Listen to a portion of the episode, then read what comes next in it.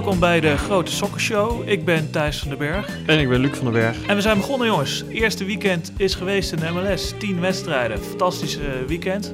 Ja, ja, het was een weekend vol verrassingen. Dat was het vooral. Vol verrassingen en Nederlandse doelpunten, rode kaarten. Nou, verrassende uitslagen. Ja, gemiste Eh, penalties. gemiste penalties, ballen op de lat, op de paal. Video referee. Video referee. We gaan het straks allemaal bespreken. Eh, laten we eerst even kijken naar het nieuws van de afgelopen week. We hebben er een paar dingetjes uitgepakt. Eh, waaronder Montreal Impact. Die heeft de Franse verdediger Rod Vanny gehaald. Speelde jarenlang voor Olympique eh, Marseille, maar is daar nu... eh eh, ja, heeft zijn contract eh, is ontbonden en mag, eh, mocht vertrekken. Ja, ik, ik ken hem eerlijk gezegd niet uit eh, Europa. Maar het schijnt dat hij ook eh, vijf interlands heeft gespeeld. Ja. Frankrijk. Ja, klopt. En eh, ja, het is vooral Montreal die verloren dus verdediger de afgelopen wedstrijd tegen eh, de Vancouver Whitecaps. Een belangrijke verdediger. Eh, Diallo. Ja, die zijn ze kwijt voor vijf maanden. eh, zwaar geblesseerd geraakt. En dus moesten ze een nieuwe centrale verdediger hebben. Is wel een nieuwe nodig. En dus eh, kon ze gelukkig eh, de Fransman van Nie ophalen. En nou ja, die gaat dus nu daar achterin spelen. We zullen het zien. Ja. Komt wel in Frans gebied terecht in Canada, dus dat scheelt. Dat, dat scheelt qua acclimatiseren dat het misschien wat makkelijker voor hem is. Inderdaad. New York Red Bulls heeft zich ook versterkt met een verdediger. Tim Parker. En hij komt over van de Vancouver Whitecaps. Hij wordt geruild tegen Felipe, dat is een middenvelder. En daarbij nog 500.000 dollar aan targeted allocation money. Wel verdeeld over twee jaar trouwens.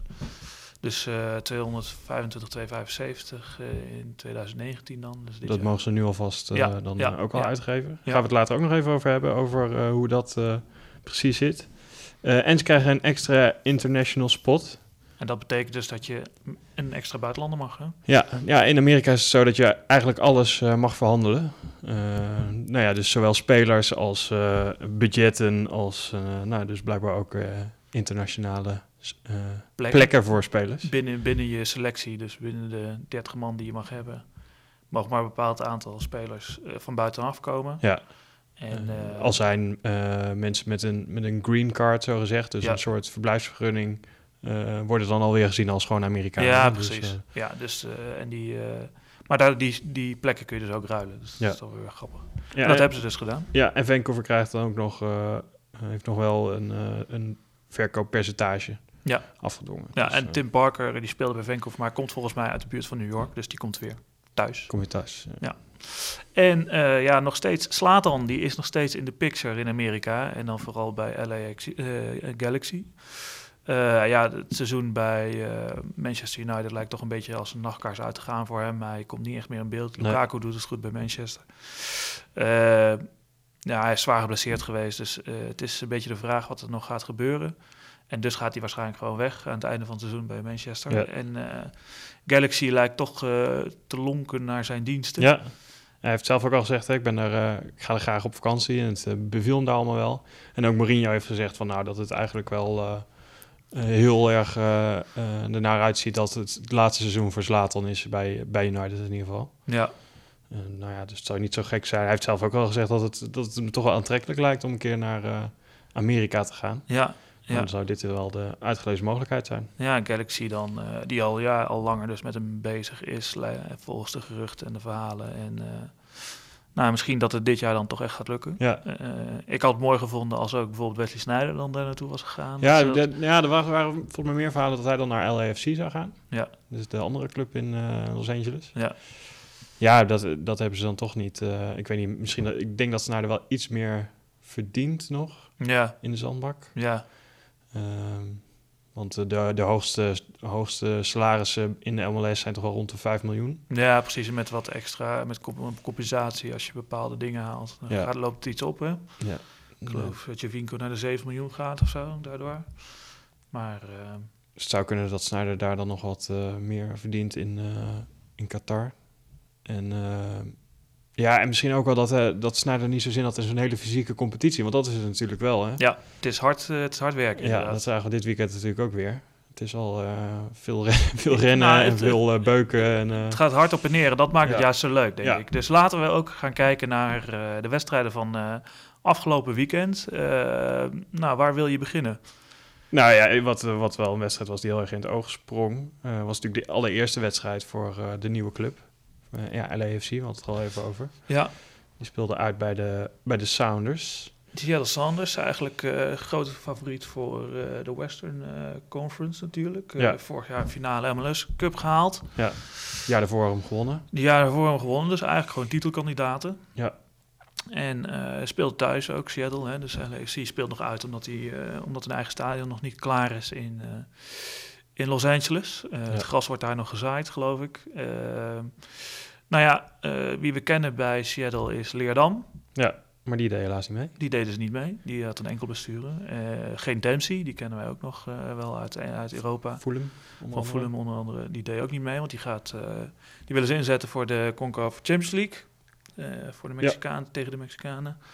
En Lodero, die we natuurlijk ook kennen van Ajax, die deed wel mee. Die, Die deed aanvoerder. Ja.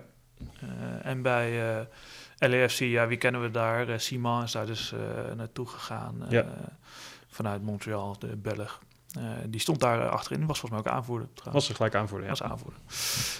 Nou ja, het begon eigenlijk fantastisch voor LA. Hè? Want die gingen voortvarend van start. Ja, nou, wat, nou, wat, we, ehm, nou ja, wat, wat ik in ieder geval niet helemaal verwachtte. Ik dacht, nou, ze zullen vast even rustig beginnen.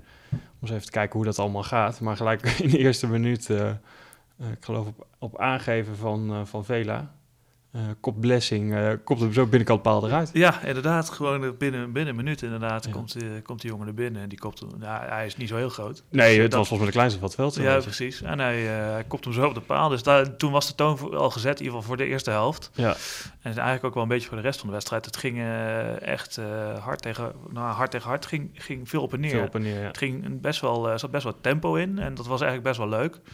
Eh, ik denk ook wel dat LAFC dacht van, nou ja, eh, er is geen druk. Wij mogen eigenlijk doen en laten wat we willen, want er wordt niks van ons verwacht. Ja. Dus eh, misschien nog een beetje van Bob Bradley, de coach, maar eigenlijk van de spelers, ja. We weten niet wat het wordt, dus laten we het gewoon proberen. En dat, dat zag je wel heel goed eraan af, volgens mij. Eigenlijk dat er weinig druk was. Ja, ze durfden in ieder geval wel gewoon te voetballen. Ja. Dat, dat Ja. maakt het wel heel leuk eigenlijk. Ja, en je hebt dan die eh Vela op het middenveld lopen. Ja, en dat is toch eigenlijk wel de man waar het om draait. Hè? Ja. De, de, de bekende man vanuit, eh, die eh, vanuit Europa, vanuit Italië is gekomen. Spanje. Spanje, sorry. En ehm, die gaf ook dus de assist op, op de 1-0 op Ja. Rossi. Eigenlijk ja, perfecte bal. Hè? Mooie steekpaas, ja. Mooie steekpaas, krijgt hem ingespeeld. Eigenlijk een soort wegdraai, steekt hem door naar Rossi die doorloopt. En die schiet hem van eh, randje 16 in de rechter, eh rechterhoek. Krult hem, krult hem zo ja, echt, eh, echt, een- echt een goede goal. En dat, ja, eerste doelpunt voor LAFC in de geschiedenis. Ja. Dus Rossi gaat er boeken in. En dat is toch wel, wel leuk voor hem. En daarna bleef het nog wel spannend. En San, Seattle Sands kreeg ook nog wel kansen. Ja, zeker. Ik vond, ja, vond vooral die keeper van LAFC, Miller, die, de- die deed het erg goed. Ja. Eh, en die speelde tegen zijn oude club, want die komt van de Sounders. Ja, was altijd eh, wissel daar. Hè? Was altijd Ja, die, nou ja, die was, stond achter, eh, achter vrij. Ja. Wat ook gewoon een hele goede keeper is. Dus het was niet zo gek dat hij daar op de bank zat. Maar bewees nu wel dat, nou, dat eigenlijk wel een volwaardige eerste keeper is voor een, voor een MLS-club. Ja, inderdaad, deed het goed. En hield dus het nul. Ja. eh, LAFC won gewoon met 1-0. En Ja. hebben dus hun eerste drie punten binnen. Drie belangrijke punten.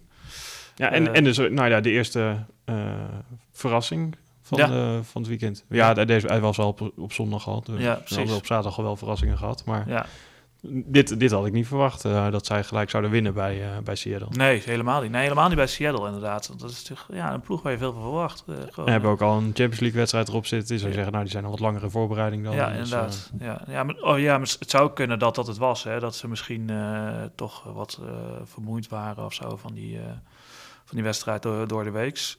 Ja. Zijn ze niet gewend misschien? Eh, ja, het zou kunnen. Weet ik niet. Weet ik niet. Maar dat, nou, het zou een, eh, zou een reden kunnen zijn. In ieder geval 1-0 voor LAFC. eh, goede uitslag. Eh, ga even door naar de Canadese derby. ja. De Vancouver Whitecaps tegen eh, Montreal Impact.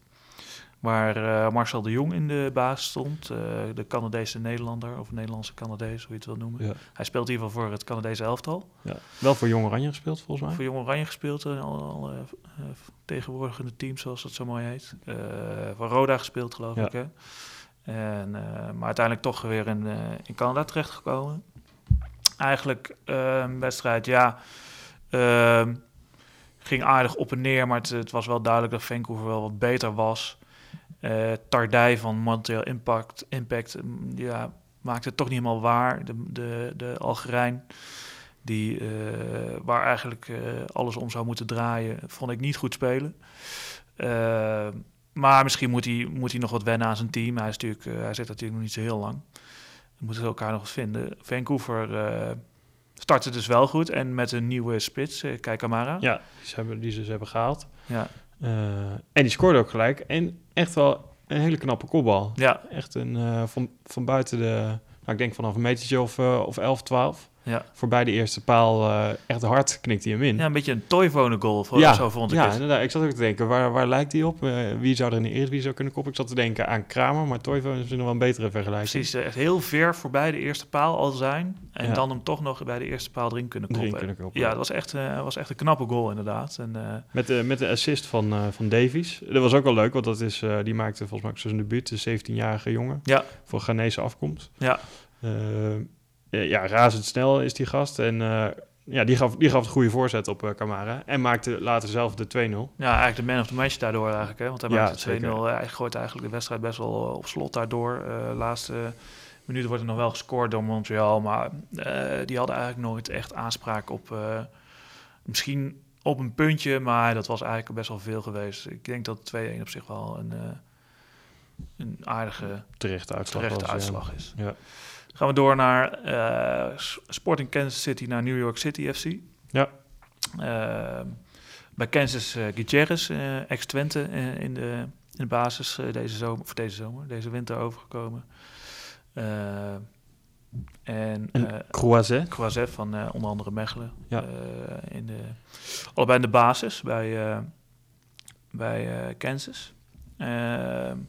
En bij New York, natuurlijk via in de baas aanvoerder. En Ja. eh, aankoop Medina eh, van, eh, uit Paraguay overgekomen. En die speelde gelijk goed.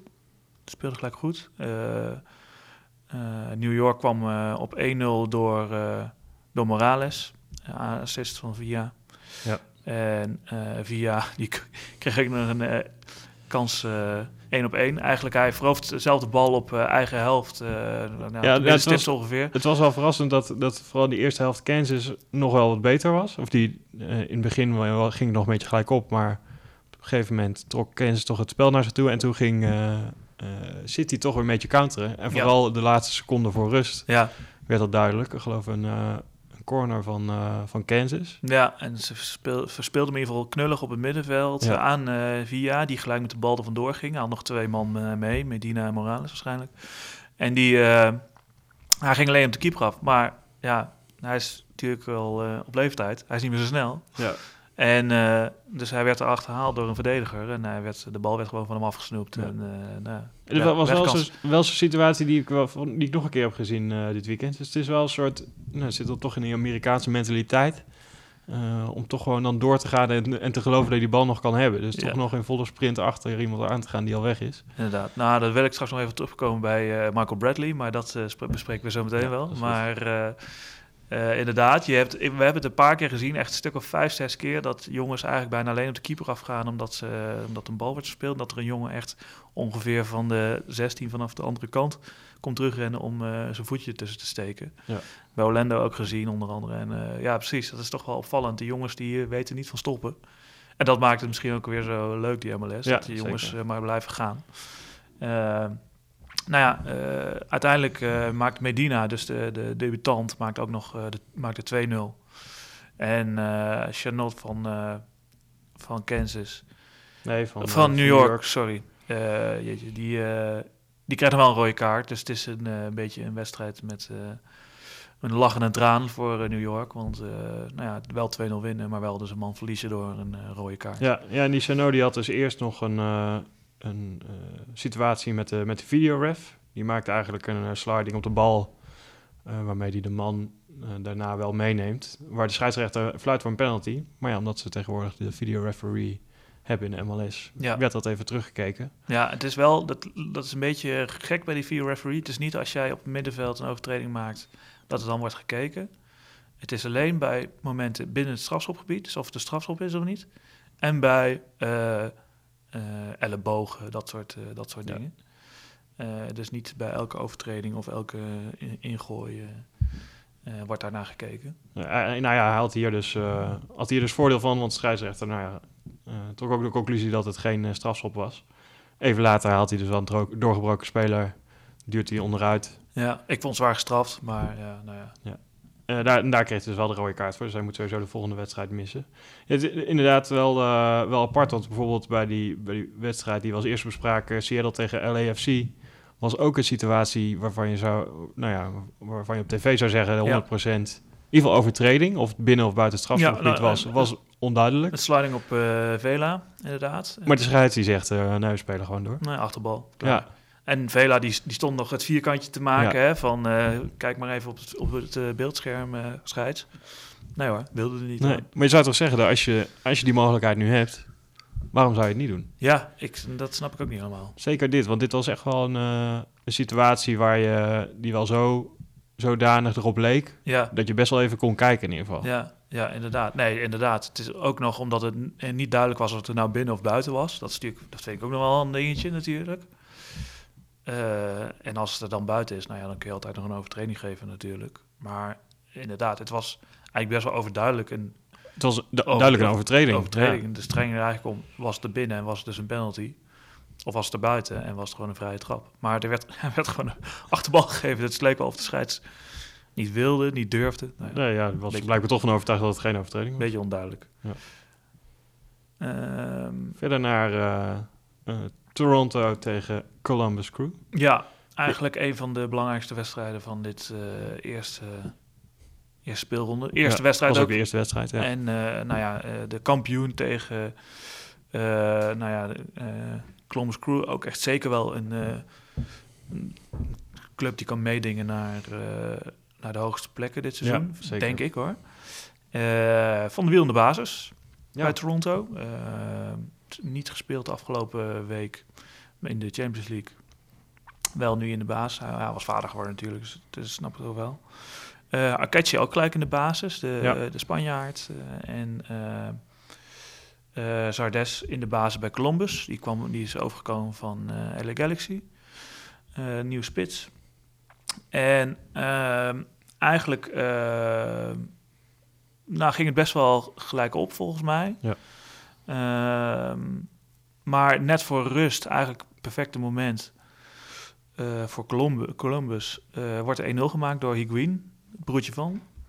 Uit de, oudere broer ou- oh, oudere broer van, eh, van, de, Gonzalo. van Gonzalo Higuain. En het is eigenlijk een lange bal, bal op eh, Valenzuela, die, die aan de linkerkant voor Columbus mag aannemen en voorzetten. En dus eigenlijk van de wiel staat daar heel slecht te verdedigen. Ja. Staat er en drie meter vanaf en staat met zijn handen op zijn Staat rug. hij met zijn handen op zijn rug alsof hij rondjes eh, 30-2 rijdt? Ja, inderdaad. Die heeft natuurlijk heel veel naar de Olympische Spelen gekeken afgelopen winter. En die denkt, nou ja, dat kan ik ook.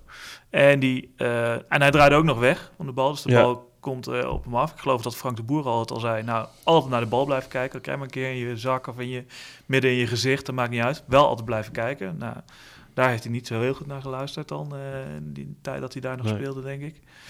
Ehm, maar eh, de bal komt dus voor. En Higuain, die, nou, die neemt wel echt heel mooi op de volley. Hè. Die- Ja, die zeker. en eh, eigenlijk gaat het om het moment daarvoor dat die bal naar die, eh naar die linksback gaat, naar die Valenzuela. Daarin zie je eh Higuain al een beweging maken. En Bradley, die, die speelde, Higuain speelt op 10 eigenlijk, Ja. speelt achter die Zardes. En Bradley speelt eh, op, op de 6 eigenlijk als verdedigende middenveld. Dus je zeg- zou zeggen, die moet hem oppakken. Nou, die laat hem eerst lopen. Dus die laat hem eerst weglopen uit zijn rug. Nou, op een gegeven moment komt die bal dus voor. En dan zie je Bradley in één keer denken, oh shit. Dus die Daar komt wel, daar gaat hij. En je ziet Bradley nog wel terugrennen van, oh ja, nou, eh, het zal wel. En, eh, maar die bal komt voor, ja, en Higuain kan gewoon, kan gewoon vrij inschieten. Kan gewoon Ja. vrij involleyen. Wordt niet heel goed gestopt trouwens door eh, Bono, de keeper van... eh Nee, zit er nog wel aan. zit Maar, er nog wel aan. Maar echt in alles bij Bradley zag het eruit dat hij er geen zin in had. En dat was ook bij dat. Ook, hij steekt nog wel zo'n be- zo'n beetje schijnverdedigen, nog een been uitsteken, maar wel er drie meter achter staan. ja. Het, dat sloeg echt helemaal nergens op. Nee. Dus dat vind ik best wel pijnlijk eigenlijk voor een jongen die aanvoerder is, eh, Amerikaan, veel verdient, eigenlijk eh, nou ja, een een carrière in Europa heeft gehad. Eh, en eigenlijk wordt er van hem echt best wel veel verwacht. Ja. Eh, wordt ook gezien als de grote leider eigenlijk toch wel van dat team. Maar dit, dit was echt slecht hoor. Dit was echt niet goed. Nee. Nee, ja, we hebben het er natuurlijk eerder al over gehad. eh, die wedstrijd die we hebben gezien in de, in de Champions League. Dat hij een soort rol, een soort vrije rol heeft als hij geen directe tegenstander heeft. tussen die verdedigers, dat hij vanaf daar het spel mag verdelen. En dat hij dat wel heel lekker vindt. Maar ja, eh, Columbus speelt natuurlijk met een echte nummer 10, Ja, met Higuain. ja, Eh, dus dan zal, hij ook, dan zal hij ook moeten verdedigen. ja. En dat, eh, ja daar had hij geen zin in. daar had hij niet zo zin in. Ik ben wel benieuwd wat, wat andere tegenstanders gaan doen. Of zij dan ook gewoon een mannetje op hem gaan zetten. Om, om hem dan maar heel moeilijk te maken de hele wedstrijd. Ja, en het was ook... ja, hij, hij speelt zo ver terug, ook in de, als zij wel de bal hebben, speelt hij zo ver terug, dat hij eigenlijk een van die twee centrale verdedigers, ja, die, die maakt hij overbodig. Want Ja. die, die staat daar dan niks te doen. Ook omdat ze tegen één spits speelden, tegen die Zardes. Ja. En er komen natuurlijk wel jongens vanaf de zijkant eh, die, en vanaf het middenveld die doorlopen. Maar dat zag je wel echt dat... eh, ja, dat is wel echt een probleem, laten we zeggen. Als hij zo ver terugzakt dat hij een van die verdedigers eh, ja, opheft... kom je dus op een man op het middenveld tekort. Ja. Waar vaak die Amerikanen vaak met veel jongens lopen. Dat is eigenlijk zonde van, het, van die speler eigenlijk dan. Ja. Dus ga of achterin spelen met eh, Bradley... of haal hem weg daar. En nou ja, Zet zet daar iemand zet neer. Zet daar een. Vasquez neer die, eh, die ook nog wat beter kan voetballen, voor mijn gevoel. Ja. En, eh, of misschien naar Ketje of weet ik veel. Of een andere jongen in ieder geval die daar iets meer spel naar voren kan brengen. Iets sneller, sneller handelt, sneller bal naar voren steekt dan een Bradley. Ja. Dan door naar de tweede helft Tweede helft, ja. die eigenlijk al vrij snel eh, daarna eh, beslist wordt. Want eigenlijk in de 46e minuut. Ja, nou, volgens mij al... eh, je- ja, je je knippert twee keer met je ogen en hij ligt er gewoon weer in. Ja, inderdaad. Het was, het wa- het was dat ze bij, ik wou zeggen bij Eurosport op tijd terug waren. Maar, want dat is ook nog wel eens een probleem. Ja. Maar nou, wel echt een fantastische goal hoor, voor Columbus. Echt een fantastische paas van Pedro Santo. Middenvelder die, komt, eh, die aan de linkerkant speelt, die dribbelt op. En echt, nou, hij draait hem om de verdediger heen. eh Mavinga, die komt echt net een teen tekort. Ja. Ja, precies in de voeten van eh, Zardes die daar achter loopt. En die, die schiet hem heel goed in. Ja. Echt een hele, echt een hele goede goal. Echt, en daarna is het wel nog... Daarna ging Toronto druk. Toen dachten ze denken, oh shit, we staan 2-0 achter. Oh ja, nu moeten we toch wel wat gaan doen. Er moet wel wat gebeuren, er ja. moet wel wat gebeuren. Straks gaan we hier verliezen. Want het was wel echt mat eigenlijk. Ja. En toen eh, kwam Tjevinko wat meer eh, in, de, in, in de wedstrijd. Schoot een keer een bal op de paal. Eh, die rebound die daaruit komt, die kreeg Josie Eltidoor nog. Maar die, die is niet helemaal fit of zo. Die is, die is niet scherp. Nee, nee, want die ging ook in de laatste minuut ook nog een keer één op één op de keeper. Die die dan, die die dan niet maakt. Eh, Niet eens op doel schiet volgens mij, dus... Ja, die schiet hij naast inderdaad. Ja dat, ja, dat is toch niet goed. En dat is natuurlijk wel de vraag voor het aankomende seizoen. Als hij niet scherp is en hij niet fit is en hij niet in zijn doen is, dat was hij vorig jaar natuurlijk wel. Ja, eh, hebben ze dan niet een probleem? Want hebben ze dan wel een spits die ze wel gaat maken? ja, Hij is natuurlijk super, hij is wel handig, want ze kunnen een bal naar voren rammen en dan eh, neemt hij hem wel aan. Hij is natuurlijk groot en sterk. Eh, maar als hij dus niet, eh, niet in vorm is, dan heb je wel een probleem. ja, zeker. Eh Aketje schiet daarna ook nog een keer op de lat. Echt wel van eh, 30 meter, een mooi schot, maar nou, op de lat helaas. En ook de rol van Van de Wiel viel me eigenlijk ook wel op. Hè. Die, die is zoals wij gewend zijn hoe hij speelde, was dat hij eigenlijk de hele rechterkant bestreek. Bij Ajax, bij het Nederlands elftal, vooral bij Paris Saint-Germain, kwam hij op, schoof de bal eh, eh, voor de goal. Eh Slatan kwam eh, naar de eerste paal, boom, doelpunt. Zo hebben ze- heeft hij volgens mij bij eh Anderlecht uit een Champions League wedstrijd, volgens mij, hebben ze wel drie keer gescoord, geloof Ja. ik. Maar dat gebeurde niet. Ik geloof dat Van de Wiel één keer daar is geweest en daar een paas heeft kunnen geven. Verder heeft, hij- is hij wel, wel een beetje in dat gebied geweest, maar ging de bal steeds terug.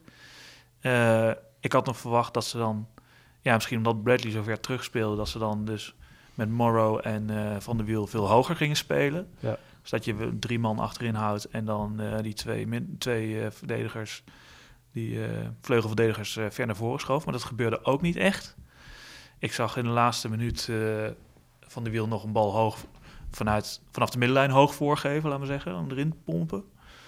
Eh, dus ik vraag me ook af, ik hoop niet dat dit een soort voorbode is voor de rest van het seizoen.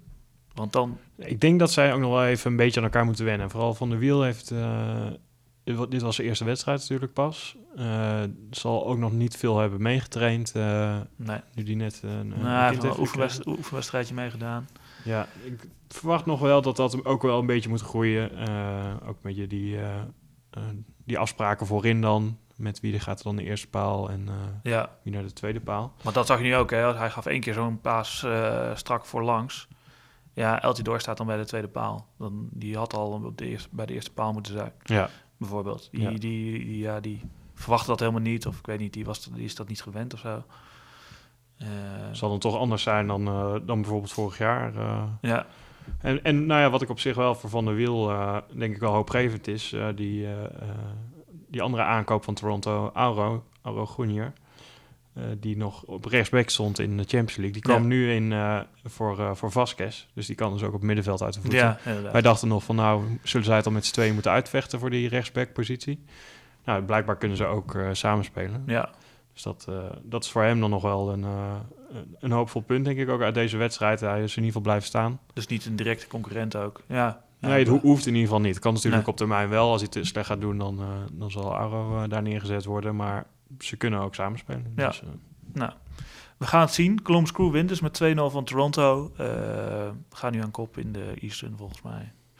En eh, ja, dat, eh, we gaan het zien hoe Toronto zich herpakt eh, volgende week. Eh, gaan we door naar eigenlijk eh, misschien wel de, een van de gekste wedstrijden van dit, eh, dit weekend. in ieder geval de gekste helft. eh, gekste, gekste vijf, eerste 25 minuten ongeveer. Eh, Houston Dynamo te- tegen Atlanta United. Eh, Atlanta, waar wij toch eh, grote verwachtingen van hebben. Ja. Wel pas twee seizoen. Maar veel geïnvesteerd, goede spelers, vorig jaar goed gedaan, goede coach. Nou, daar mag je wat van verwachten. Maar niks, niets is minder waar. nee. Ehm Atlanta begon trouwens niet met de recordaankoop Barco. Die eh, voor eh, veel geld was gehaald, maar een spierblessure heeft. Ja. Dus die kon nog niet meedoen. Maar binnen drie minuten, binnen drie minuten, binnen 25 minuten, 26 minuten stond het 3-0 voor Houston. En het, was, ja, het was één grote wervelwind eh, van Houston kant over Atlanta heen. En Atlanta wist niet wat ze overkwam. nee. Eh, die kregen echt nog wel kansen hoor. kreeg heel veel kansen, want die Guzan, dat is de keeper van, eh, van Atlanta, Ja, die speelde best wel goed. Die, Ja. die pakte nog best wel veel ballen. Ja. En dan nou ja, moest je ze bijvoorbeeld tot, tot corner verwerken. En dan in, in die standaard situaties was Houston echt veel beter. ja inderdaad. Uh, Senderos, ja, die maakte die de 2-0. ja, die een keer inkopt. Maar het was ook, nou weet je, die bij Atlanta stond, hadden ze achterin hadden ze Larin Tsovic gezet. Mhm. Dat is normaal nummer 6, een verdedigende middenveld. En die stond nu als laatste man. Ja, die werd aan alle kanten voorbij gelopen, vooral door die Elis. Die zegt echt vlug als water. En die, eh, ja, die liep, liep ze allemaal voorbij daar. En de, bij de 1-0 bijvoorbeeld ook, ging er ook iets mis met de verdediger. En, en Gusan, de communicatie eh, daartussen, de bal viel daartussenin. Nou, die eh Elis ging rennen. Ja, die, die pakt die bal op en die schuift hem voor en die, eh dan wordt gescoord. Ja. Eh, dat was al na drie minuten, geloof ik. En toen moest de wedstrijd eigenlijk dus nog beginnen. En ja, binnen, binnen een half uur stond het dus 3-0. Vlak voor rust wordt het ook nog 4-0 door een eh, fout van, van Guzan. Ja, dat was, dat was wel, dat was een beetje lullen voor hem. Want die, Die bal ging, was een corner. Of een bal van de zijkant in ieder geval, volgens mij een corner. ja, volgens mij ook korte en, corner die, en die vliegt eigenlijk voorlangs, eigenlijk over iedereen heen. En Guzan die, die slaat hem, smasht hem weer terug naar de vijf meter voor zijn eigen goal. Ja, daar staat, eh, staat iemand van Houston en die schiet hem dan goed binnen. ja. En eh, ja, dat, ja, eh, ja, dat was gewoon een, een eerste helft, ja, dat was eigenlijk Atlanta onwaardig eigenlijk. Zeker, ja. Ze hadden wel meer balbezit trouwens. Het is, Houston deed ook gewoon wel slim, hè? Gewoon afwachten en dan gewoon Die snelle jongens met eruit snelle komen. jongens ervoorin eh eruit komen. Met die eh, Manotas, ook een zo'n snelle jongen. Die, ja, die, zij kwamen er gewoon heel snel uit en deden dat heel goed. De eerste helft, tweede helft was het eigenlijk een beetje tegenhouden. Terwijl Atlanta eigenlijk vrij snel naar rust, geloof ik drie minuten naar rust, een penalty kreeg. Ja. Om eigenlijk een soort van terug in de wedstrijd te komen. Eh, Almiron, eh, de middenvelder, eh, mocht hem nemen, maar ja, die schoot de binnenkant paal eruit. En toen zag je eigenlijk al bij iedereen bij Atlanta, ja, wij kunnen nog, Dit drie, wij kunnen nog drie dagen doorvoetballen. Ja. Wij gaan hem weg niet meer maken. Ja, en Almiron die ook al aan het einde van de eerste helft nog een grote kans miste. Hè. Ja. komt alleen voor de keeper, maar ja, schiet hem, schiet hem met links.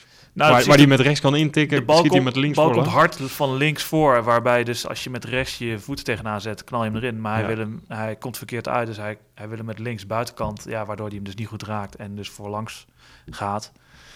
Nou ja, ja, precies dat soort kansen, ja, dat, die moet Atlanta wel gaan maken dit seizoen, want ze, ze hebben echt genoeg scorend vermogen eh, om veel doelpunten te gaan maken. Ja. En dat hebben ze ook wel nodig om te compenseren hoe slecht eigenlijk achter, achterin is. Ja. achterin zijn. Want ze, dat, dat zijn ze gewoon niet snel genoeg. Dat is gewoon te langzaam. Vooral als je veel tegen dat soort snelle jongens eh, speelt. En als je zelf veel balbezit hebt en veel, steeds verder naar voren gaat spelen. Dan ben je natuurlijk best wel kwetsbaar als je dan eh, achter je veel ruimte hebt. Ja. En dan niet, te snel, niet echt snelle jongens achterin hebt lopen.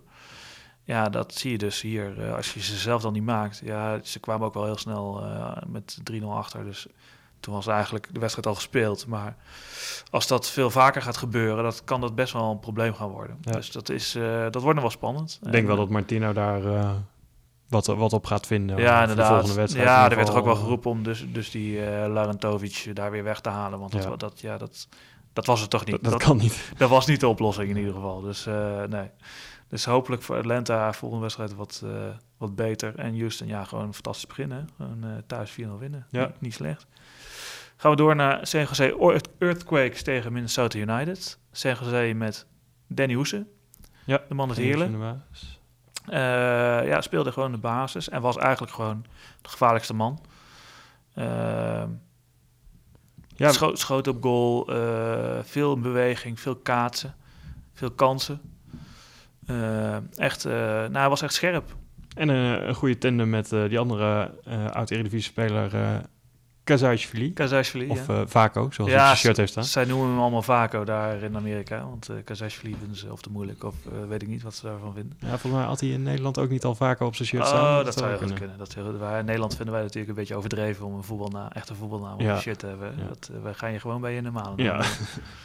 En eh, nee, precies, dat is een goed team. Die speelde natuurlijk vorig jaar ook al bij elkaar. En dan heb je Ja. die Wondolowski eh, die daar omheen loopt, die eh, Amerikaanse international, die loopt daar ook al een aantal jaar rond. En die drie, die kennen elkaar natuurlijk nu van vorig jaar. Die spelen daardoor al langer met elkaar. En dat is denk ik wel echt een voordeel. Ja. Dat zag je wel ook eh, eh, in ieder geval bij de, bij de 3-0 eh, van Hoesen. Hoesen maakte eerst al de 1-0. Ook echt ook een assist met, van Kazashvili volgens mij. Ja. Die hem goed in de loop meegeeft. En hij schiet hem vanuit, vanaf 17, 18 meter eigenlijk in één keer goed in. Goed in het zijnet eigenlijk. Hè? Recht voor de goal, maar wel toch in het zijnet. Eh, goed schot, eigenlijk eh, niks op aan te merken. Eh, normaal zou je zo'n bal misschien nog een keer aannemen, maar hij neemt in één keer Ja. binnenkant rechts en Peert schiet, hem erin. peert hem erin. En twee minuten later maken Zashvili dezelfde de, de 2-0. Ja. Ook weer volgens mij op aangeven van Hoesen, die de bal afpikt en de bal voor de goal geeft.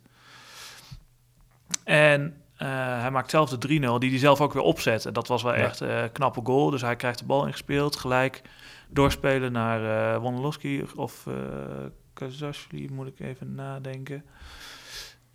Ik denk Wondolowski, die ook wel gewoon in één kaats hem terug speelt. Hij speelt hem voorbij de verdediger en schiet hem eigenlijk goed in de, in de lange hoek. Ja, echt een zoiets train je op de training. Ja. Dat oefen je. En dat eh, breng je nu in de, in de praktijk in de wedstrijd. En dat kan je alleen doen door dit te trainen, volgens mij. Want dit was echt gewoon echt een ouderwets driehoekje en zelf opgezet. Dus gewoon zelf inspelen, doorlopen en dan eh, erin schieten. gewoon echt een goede goal. En ja, San Jose was gewoon veel beter eigenlijk ook. Hè. Dus eh, Ja, niet voor niks 3-0. Eigenlijk die 3-2 is eigenlijk best wel vertekenend nog. Want dan denk je, dat het is nog spannend. Na die 3-0 ging San Jose natuurlijk wel wat achterover hangen. Ja. Ze, ja, liet, lieten ze het ook min of meer gebeuren. Hè? Ja, inderdaad. Dus eh, die, die Molino eh, van, eh, van Minnesota maakte dan, maakte dan nog twee. Ja, Ehm, ja, Dan, wordt het ook, dan wordt het ook nog wel spannend. ja, min of meer. Maar je, nou ja, je hebt toch al de hele tijd het gevoel van... nou, San Jose moet dit wel over de streep kunnen trekken. inderdaad. Er gaat in de laatste minuut nog wel... En, dan gaat de keeper ook mee van Minnesota. En dan wordt er nog wel in zo'n scrimmage nog een meter naast geschoten. Dus dan is het nog wel even billenknijpen voor San Jose. Eh, het zou echt, echt heel erg onterecht zijn als ze deze wedstrijd hadden gelijk gespeeld. Of in ieder geval niet hadden gewonnen. Ja. Ehm, maar ja, zij waren gewoon veel beter. Dus ik denk gewoon een terechte uitslag, inderdaad. En ja, ze hadden, ze hadden misschien nog wel meer moeten maken. Dat was eigenlijk... eh, Ja. het is, doelsaldo is nu plus 1 en dat had eh, plus 5 moeten zijn of zo. Ja, ja, ja. En eh, ja, Nee, en Eriksson deed dus ook mee bij, eh, eh, bij San Jose. Ja. Hadden het er al even over dat dat misschien wel concurrent voor hoe ze kon zijn. Ja, of dat ze samen gingen spelen. Ja, zoals hoe ze nu heeft gespeeld, eh, nou, kan hem niks gebeuren. Dus nee, dat, eh, inderdaad. nee, precies. Die, eh zes, Eriksson speelde vooral vanaf rechts. Hè. Die speelde een Ja. beetje in de zone op rechts. En die speelde op zich best aardig. Die komt, komt vanuit Zweden. Heeft bij KA Gent nog gespeeld in Ja. België. En ja, die, ja, die wil misschien nog wel naar het WK. Het is een beetje onduidelijk. Hij is nou niet echt een vaste waarde voor Zweden. Maar, België heeft natuurlijk ook zoveel goede, goede Ja. spelers daar. Ook op die positie rondlopen. Ja. Op, die, op die voorste posities. ja. Met Hazard en de Bruin. eh, hij, is, hij, hij is een Zweed, hè? Hij komt- Oh, oh ja, Zweden. ik ga niet voor België. Nee, nee, precies. Hij heeft in België gevoetbald, maar hij eh, komt uit Zweden. En ehm, hij, heeft, hij heeft wel interlands gespeeld. En hij heeft ook nog wel meegedaan met een soort eh, eh, voorbereiding afgelopen januari. Maar mm, echt een vaste basiskracht is het niet. Dus wie weet als hij eh, goed gaat spelen daar, dat hij nog wel in de picture komt. Maar dat is een beetje de vraag. Maar we gaan het zien. Het is al leuk voor, eh voor Hoes. Dus, eh, bij de MLS maken ze ook iedere week een, een team van de week met de beste spelers. Dat doen ze ook op basis van statistieken. Daar kunnen de spelers punten mee verdienen.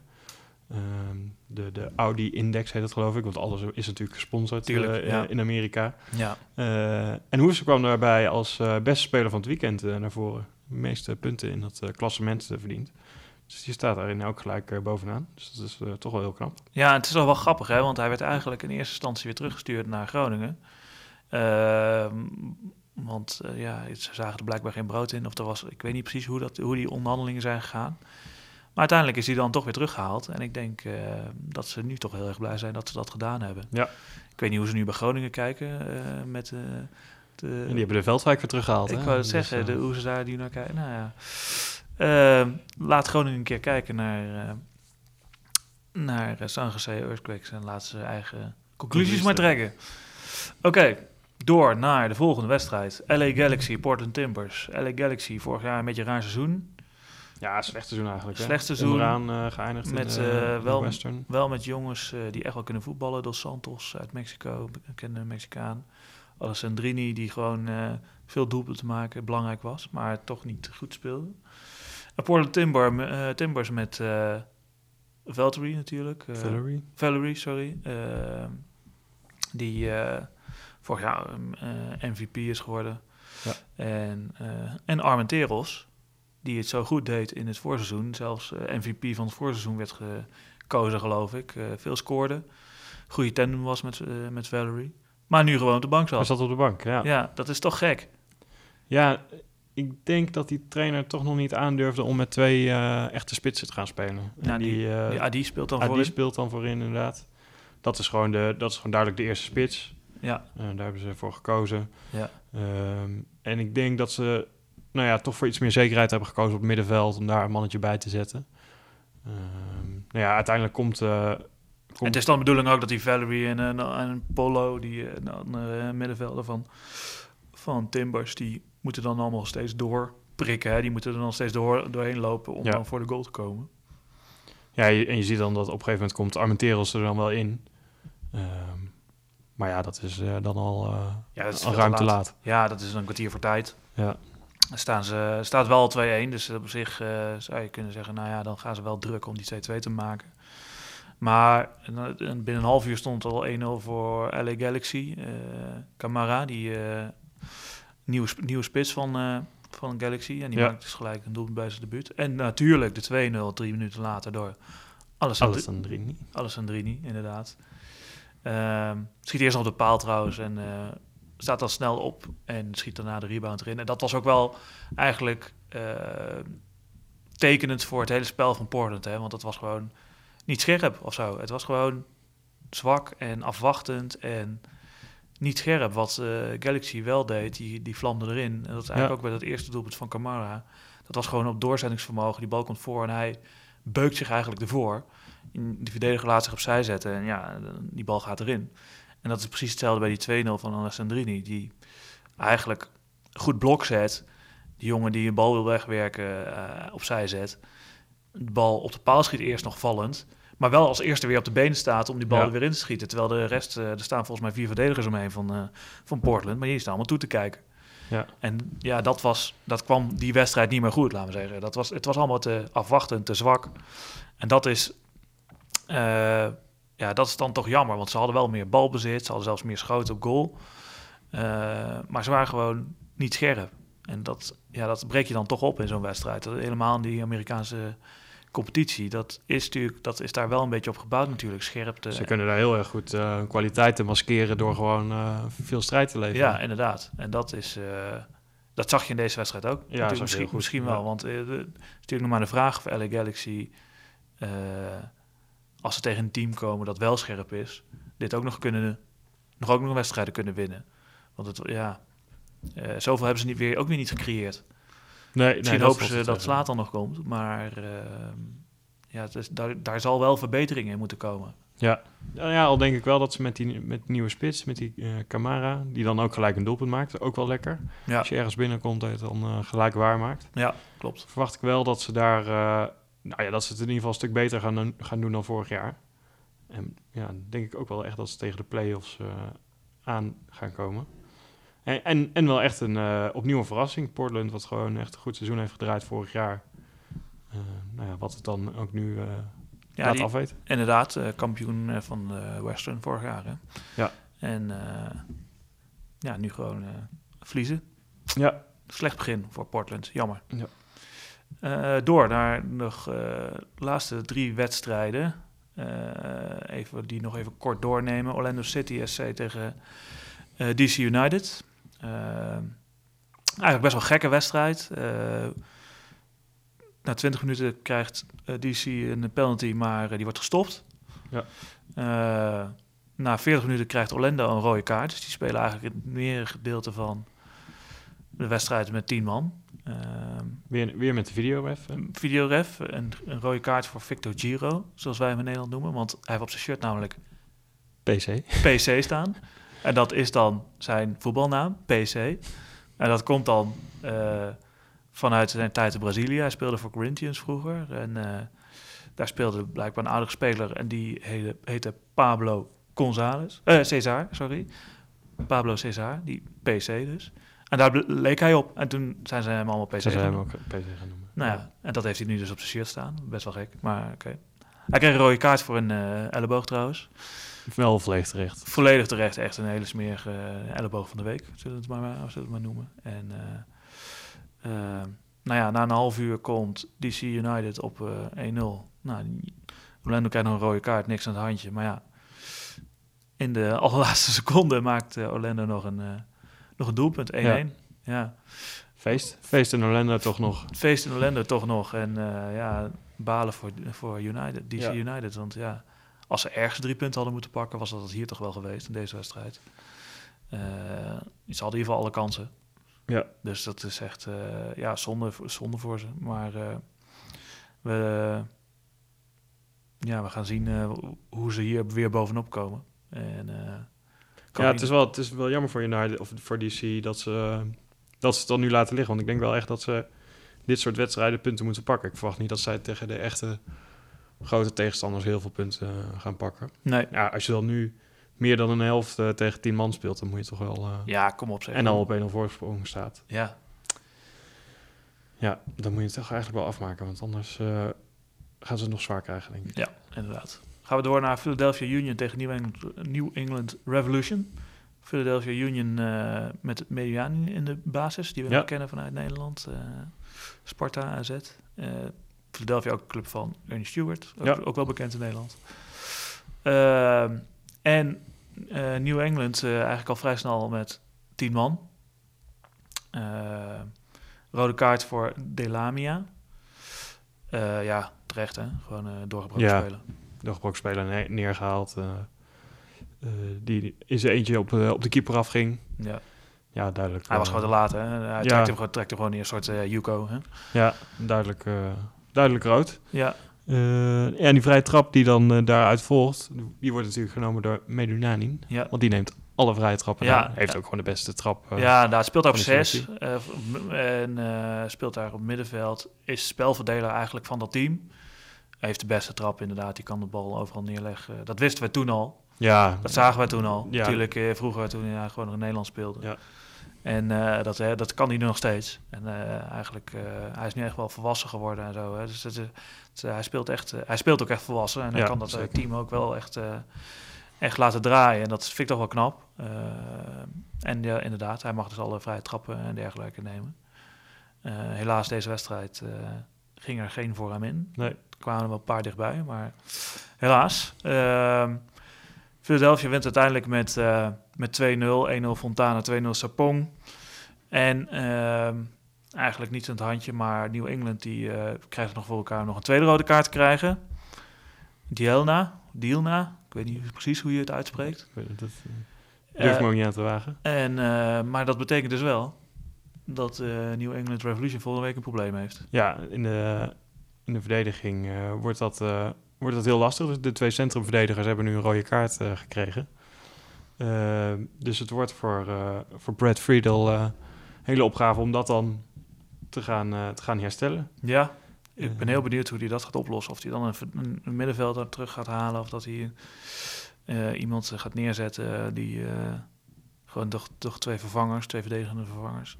Ja, hij had er nu ook maar één verdediger op de bank zitten. Zij moest eh oppuzzelen. En vooral die tweede rode kaart is zo dom. Want eh, ze wisten eigenlijk al dat, eh, nou ja, eh, dat ze gingen verliezen. Stonden al 2-0 achter, hadden weinig gecreëerd. En om dan toch nog iemand neer te halen en daarvoor en dan het eigenlijk rood te krijgen, ja, lijkt me niet, leek, leek mij niet nodig in ieder geval. Nee, oh, ja, onnodig eigenlijk ja, zelfs. Hè? ja, heel erg onnodig. Dom, dom, dom. Oké, laatste wedstrijd. Eh, FC Dallas Real Salt Lake. Eh Roesnak in de basis, eh, Ja. die wij uit Nederland kennen, Groningen natuurlijk. Daar ook wel echt eh, geroemd wordt als snelle, handige speler. Eh Beckerman in de basis ook bij eh Real Salt Lake, Amerikaanse International, kennen we van WK 2014. Had toen nog Dreadlocks, nu gewoon keurig eh, scheiding. Ehm, en Roesnak geeft ook gelijk een assist Een assist, ja. Op eh, Plata. Die, eh, die steekt hij weg en die eh, kapt nog een verdediger uit en schiet hem daarna goed binnen. Dat sorry? Dat is wel een beetje het enige wat we van Roes nog gezien hebben, volgens mij. Ja, inderdaad. Verder niet echt, niet echt schoten, niet echt zelf kansen. Nee, inderdaad. Nee, het, was, het was dat eigenlijk. Het, het was sowieso een wedstrijd, ja. De 1-1 was denk ik gewoon... t- het is uiteindelijk werd het eh, 1-1 door nog een eigen goal van Silva. Een bal Ja. die strak voorkomt, die, die in het dak van de eigen goal schiet. En er wordt dan wel een bal van de lijn gehaald hoor, door, eh, door Salt Lake, eh, een bal van Dallas. Maar overal denk ik dat het... eh, de 1-1 was wel terecht. Ja, het was alleen... Ja, het zag er wel ontzettend knullig uit hoe dat... die, die eigen goal. Ja, inderdaad. Hij staat gewoon met zijn verkeerde... Hij staat gewoon verkeerd ingedraaid. En dan, Terwijl hij hem weg wil schieten, schiet hij hem gewoon heel hard achter de eigen keeper. Ja, inderdaad. Ook dat is de MLS. Ja, ja. Inderdaad, maar nee, klopt. Maar ja, kijkend naar het grotere plaatje was het, eh, was het terecht 1-1. En het is, het is wel iets waar eh Real Salt Lake eh, voor op moet passen dat ze dit soort wedstrijden dan niet over de streep trekken. Hè? Want dat Ja. hadden ze vorig jaar ook al. Dus dit, dit seizoen lijkt het daar dus ook weer op te gaan lijken dat ze dan 1-0 voor staan. Dat, dit was ook weer 85 minuten, hè? Dat, die, dat eigen doelpunt. Dat ze dan die, eh, die wedstrijd niet uit het vuur kunnen slepen en daardoor dus punten verliezen. Ja, dat kan ze toch wel op gaan breken. Ja. Oké, eh, dat waren eigenlijk alle wedstrijden van dit seizoen. Of uh, dit seizoen, deze, deze speelronde. Wat mij trouwens nog wel opviel, was dat, ik weet niet of dat, en dat is volgens mij wel vaker bij de, bij die Amerikaanse wedstrijden. Ik denk dat dat een beetje komt omdat in die andere sporten er veel met zuivere speeltijd uh, gespeeld wordt. Dat er heel veel blessuretijd wordt bijgeteld. Klopt, ja. Zeven minuten, zes minuten, ja, vijf ook minuten. gewoon in de eerste, in de eerste helft al, waar je in Nederland nou maximaal 1, 2 minuten ziet. Ja, ja. Wordt daar gewoon uh, makkelijk uh, 6, 6, 7 minuten bij geteld. Nou, bij Houston, ja. Dynamo bijvoorbeeld, was het 7 minuten extra tijd. Ja, nou, vier doelpunten. Dat, is, dat is, trekken ze misschien steeds een halve minuut per... ja. En dan nog maar in, wat maar Nederland, in Nederland doen ze dat toch niet zo snel? Nee, nee, inderdaad. Ja, dus ik denk dat ze hier toch iets uh, meer gehaaid zijn op uh, dat je wel zuiver uh, 45 minuten speelt. Of in ieder geval, ja. in ieder geval daar uh, rondom uitkomt. Vond ik wel opvallend ook in deze speelronde om dat, om dat te zien. Zeker Ja. omdat we het in Europa niet zo gewend zijn. Nee, inderdaad. Eh, laten we even kijken naar aankomende week dan qua wedstrijden. Eh, er zijn deze week ook gelijk weer Champions League wedstrijden voor de Amerikaanse Ja. teams. Hè. Red Bull, dat deze week niet heeft gespeeld, eh, mag wel gaan aantreden tegen eh, Club Tijuana uit Mexico. Eh spelen eerst in, eh, in Mexico. Ehm, dat is eh, morgen. Zeg ik dat goed? Woensdag en donderdag is het volgens mij. Ehm, Ja, voor, voor ons woensdagochtend is dat dan. Hè? Dus dat Ja. is eh, voor de Amerikanen dinsdagavond. Dinsdagavond, oké. oké. Eh, Toronto speelt eerst thuis tegen Tigres, ook in Mexico. Seattle speelt eerst thuis tegen Ch- Chivas, ook Mexico. En Columbus. Eh, oh, en dat zijn de enige drie eh, Champions League wedstrijden. Ehm, en dan, wat hebben we dan nog in de normale competitie aankomend eh, weekend? Hebben we Columbus, Montreal, New England Revolution tegen Colorado Rapids. Heel Salt Lake, LAFC, Chicago Sporting, eh, Kansas City, Houston, Vancouver, en Red Bulls tegen Portland, een mooie pot. Eh, Orlando eh, m- tegen Minnesota, Eh, Atlanta tegen DC United en City tegen eh, LA Galaxy. Dat zijn de potjes voor aankomende week. Dus die gaan wij de Ja. aankomende week eh, bekijken. En dan gaan we dus ook eindelijk eh, Chicago Fire en New York Red Bulls aan het werk zien Ja. in de competitie. Want die, eh, Die hebben we deze week nog niet week gezien. dus eh Kappelhof eh, onder andere. ja, En Leo misschien wel, die is net terug van een blessure. zou die al meedoen? Nou, ik heb hem zien trainen, dus... Schweinsteiger.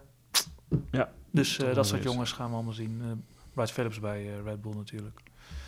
En Tim Parker, de nieuwe verdediger van Red Bull. Ja. Oké, gaan we eens eh, door met het volgende. Dat is, eh, we willen elke week eigenlijk ook naast de uitslagen en de wedstrijden... willen wij ingaan op iets wat eigenlijk eh, bijzonder is voor de MLS. Of wat daar nou onduidelijk aan is of wat, er, wat we graag willen weten. En we gaan het nu hebben over eigenlijk de gelden die daarin rondgaan... en die de clubs mogen besteden. Dus de general allocation money, de target allocation money... Ja, het was eigenlijk vooral naar aanleiding, en dat is wel iets wat heel... ehm, nou, wat, wat als, je het, als je het ziet dat het, dat het onbegrijpelijk is, maar eh, eh, van de week zagen we een soort transfer tussen aanhalingstekens. Een, een, een ruil eigenlijk. En Vancouver ruilde eh 277.000 eh, targeted allocation money tegen 185.000 general allocation money. Ja, Eh, 105, of wel 185.000, ja. Ehm, ja, dan zou je zeggen, nou, waarom ga je twee geldbedragen met elkaar wisselen? ja, En wat voor voordeel heeft het voor jou als jij daar dan minder geld voor ja precies. Ja, inderdaad. En wat zij deden, zij deden die al met, met Vancouver. En dit seizoen eh, is het al eerder gedaan, onder andere door Toronto ook. Ehm, Ehm, laten we beginnen bij het begin. We gaan proberen zo goed mogelijk uit te leggen. het, het is nogal- het is nogal lastig, want die hele, die hele Engelse competitie, dat eh, nou ja, hangt eigenlijk van, van gekke regels en uitzonderingen aan elkaar. Ja. Dus, ehm, Amerikaanse competitie, ja. ja. En ehm, nou, laten we beginnen bij het begin. Elke club krijgt geld van de MLS om spelers te betalen. Ja, en dat is zo omdat, eh, we hebben al eerder verteld, de MLS is een gesloten systeem. Eh, en de spelers zijn bijvoorbeeld ook eh, in dienst bij de, bij de MLS, dus zeg maar bij de bond, bij de competitie. Ja, dus Eh, de de- clubs zijn niet van eigenaren. Nee. De clubs zijn eigenlijk van de MLS. En de eigenaren, zoals we die kennen, dus de, zijn eigenlijk investeerders. Die Die zorgen ervoor dat er een stadion komt. En die zorgen dat er eigenlijk alles om die club geregeld wordt. Ja, de, de clubs zijn een soort franchises van de, van de, van het centrale, uh, van, van de centrale competitie. En dat is gedaan toen het begon, omdat uh, de MLS startte ze en ze wilden uh, continuïteit.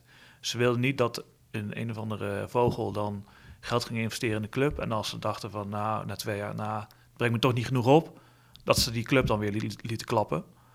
Uh, dus hebben ze het zo geregeld dat er een soort continuïteit kon ontstaan, waardoor die, die competitie kon groeien. Ja, een soort uh, ja, continuïteit en stabiliteit, maar ook waardoor je, waardoor alle clubs de, de, de kwaliteit omhoog houden. Ja. Niet, uh, niet dat de verschillen zo groot worden dat die Nee. competitie ook heel saai wordt. Ja, inderdaad. Uh, daardoor krijgt uh, iedere club een, een salarisbudget, wat dit jaar iets meer is dan 4 miljoen dollar. En hebben ze, heeft de MLS een salarisplafond afgesproken van iets meer dan 500.000 euro per speler. Dollar. Dollar, ja. 500.000 dollar per speler. Uh, en daarbovenop kunnen clubs dan nog meer geld krijgen. Ja. Zoals bijvoorbeeld het general, de general allocation money. Ja. Uh, Die 4, die 4 miljoen moet verdeeld worden eigenlijk over, uh, ik geloof dat het 30 plaatsen zijn voor sp- 30 spelers, laten we zeggen. Mag je Ja. in je dingen in je Selectie selectie hebben. En dan uh, daarover moet die 4 miljoen verdeeld worden, geloof ik. Hè? Ja. Uh, waarbij dus in principe niemand meer mag verdienen dan 5 ton. 5 ton. Oké. Okay. Uh, daar, zit dan, daar zit alvast ook een uitzondering aan. Want we kennen natuurlijk de designated players. Dat Ja. zijn over het algemeen de bekendere grote spelers... zoals Jovinko, Altidore, Schweinsteiger. Verzonnen voor David Beckham in de tijd. Ja, wordt ook wel de David Beckham rule genoemd. Uh, dat zijn, je mag dus in ieder team mag je maximaal drie spelers hebben... die meer verdienen dan dat salarisplafond. Ja. Eigenlijk zijn het er maar twee. En uh, voor die derde moet, moet er zelfs nog een extra Ja. uh, boete betaald Ja, een luxury fee noemen ze dat dan. Ja. Uh, nou, in ieder geval boven dat salarisbudget uh, kunnen clubs dus meer geld krijgen in de vorm van general allocation money. Dit krijgen zij standaard, krijgen ze hier 200.000 euro dollar per jaar voor. Um, maar daarnaast kunnen ze nog meer krijgen en dat gaat dan ook weer door, uh, omdat zij bijvoorbeeld het jaar daarvoor slecht gepresteerd hebben. Ja. Als zij de play-offs gemist hebben, krijgen ze daar weer extra geld voor om een uh, selectie op, uh, op peil te brengen. Ja, het is een soort setje van, hé hey, jongens, jullie hebben het slecht gedaan. Hier heb je wat extra geld, kun je wat betere spelers kopen. Wordt de competitie weer wat, uh, wat leuker, omdat jullie weer wat beter mee kunnen doen. Ja, en ook bijvoorbeeld als, een, als een club meedoet aan de Champions League, de CONCACAF Champions League, nou ja, dus dan zullen zij meer wedstrijden spelen. dus krijgen zij ook wat meer middelen om die selectie daarop voor te bereiden. Ja. en ook als zij een speler verkopen aan een club buiten de MLS, uh, ook dan krijgen zij een extra, extra bedrag daarvoor. Ja. Uh, en wat zij met dat geld doen, daar zijn ze heel vrij mee. Dus zij mogen zeggen van nou, we, we kopen daar spelers mee in binnen- of buitenland. Uh, betalen daar de transfer of huurbedragen van. Ehm, we betalen daar salaris van, zodat we wat meer overhouden in onze salarisbudget. Ja, precies. Dat, dat mag je dan wegstrepen tegen je salarisbudget. Waardoor je dus weer opening krijgt in, dat, in die 4 miljoen, laten we zeggen. Ja, daar mag het dan weer uh, ja. op gedrukt worden. Ja. ja. Uh, daarnaast heb je dus de Targeted Allocation Money. En dat is uh, per club 1,2 miljoen dollar. En dat geld mag beperkter gebruikt worden. Daar mo dat mogen ze alleen gebruiken voor het halen van nieuwe spelers... die meer kosten dan 500.000 dollar. En maximaal anderhalf miljoen dollar. En daar zit dan vaak ook al de, de transfer fee ja. bij in. Ja, dat precies. Dat is wel belangrijk. Hè? Dus dat zit daarbij in. Dus als je iemand van, uh, van uh, 100.000 dollar haalt... en je betaalt hem ook nog 100.000 dollar... dan kost hij dus voor je salarisbudget 200.000 dollar. Ja. Dat zit daarbij in. Dat is natuurlijk wat anders dan in, in Nederland of in Europa. Betaal je 200 miljoen voor Neymar en hij verdient ook nog eens 15 miljoen. Uh, die, dan is, is zijn salaris, valt zijn, die 215 miljoen valt niet onder het salariskopje bij de begroting van Paris. Nee, dat is weer een andere, een andere ja. post. Ja. Uh, maar dus ook bij, dat, bij die targeted allocation money mag je bijvoorbeeld ook het, uh, het salaris van, uh, van je designated player betalen, zodat die onder die norm komt, onder, weer onder die 500.000, wat het salarisplafond is. Maar bij dit geld is het wel de bedoeling dat je daarvoor weer die post van designated player weer opnieuw invult. Ja, dus je hebt, eh, laten we even Toronto nemen, want daar zitten de meeste eh, designated players, denk ik, met Eltidoor, uh, Jovinko en Bradley. Bradley. Stel je voor, je wil een, nog een speler halen, iemand uit Europa, zeg Suarez, ik noem maar iemand. En dan ga je dus bij Eltidoor, zorg je dat hij, daar geef je targeted allocation money aan. Ja. Dus bovenop die 5 ton die hij minimaal mag verdienen vanuit de gewone salarispot, betaal je hem dan ook nog 3 miljoen target allocation money of zo. Ja? Ja? Klopt het nog? Zodat, nou, het, ehm, het gaat erom dat zijn salaris dan in ieder geval...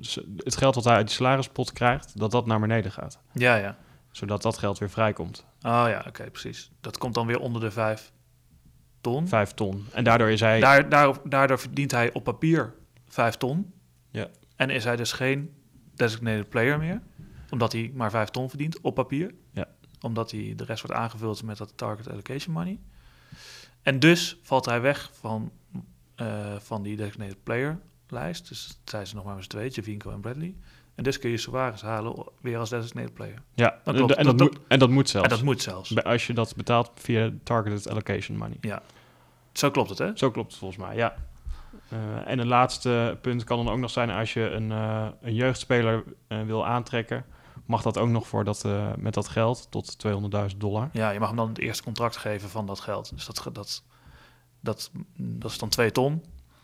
En dat mag je betalen van het target eh, allocation money. Hè? Dus dat, gaat dan, dat valt dan niet binnen het eh, budget van je gewone salarissen, binnen die 4 miljoen.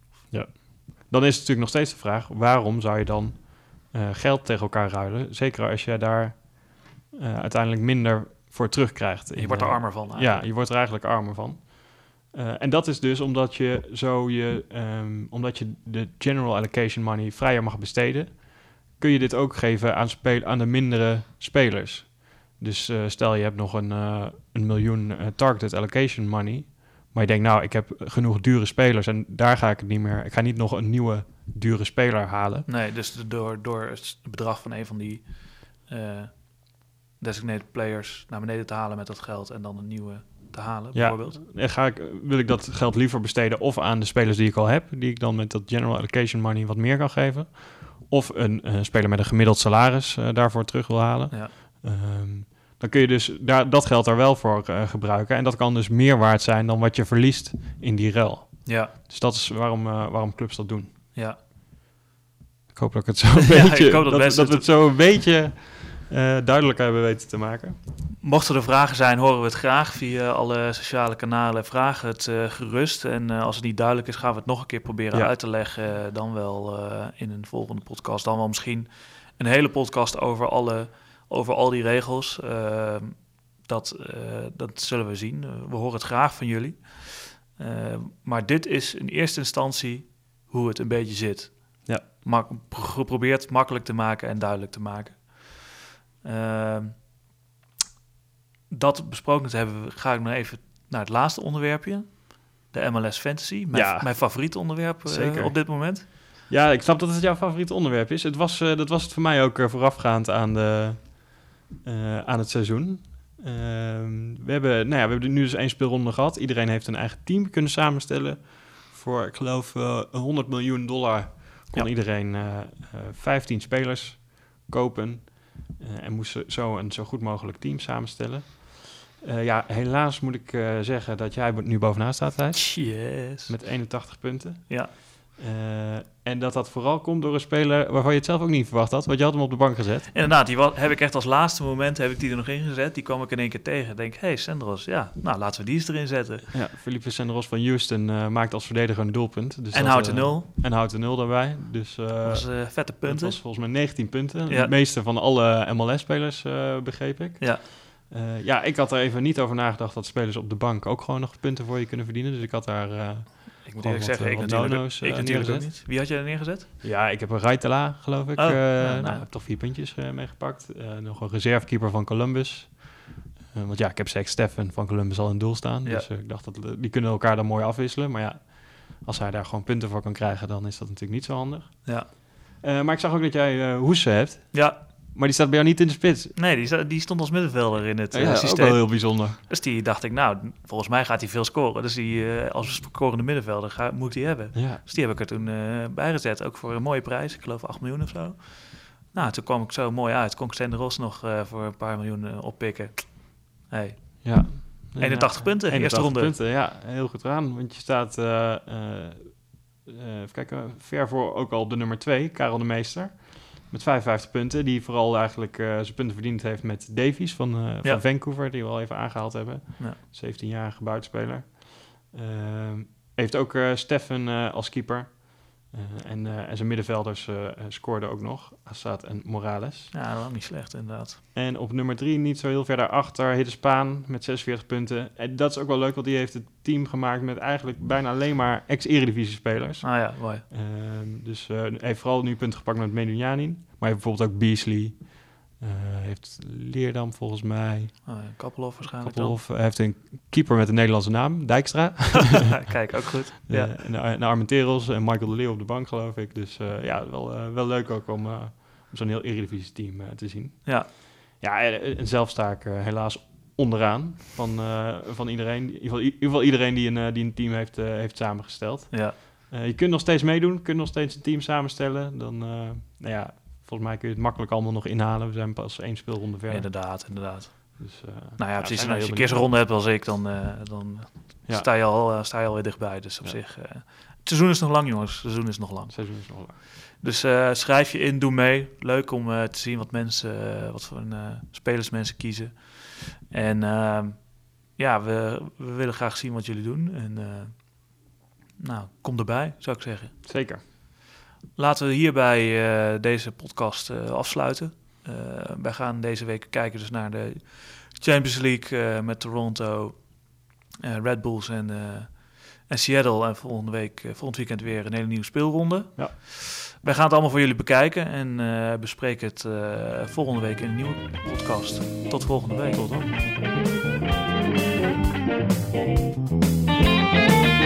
dan.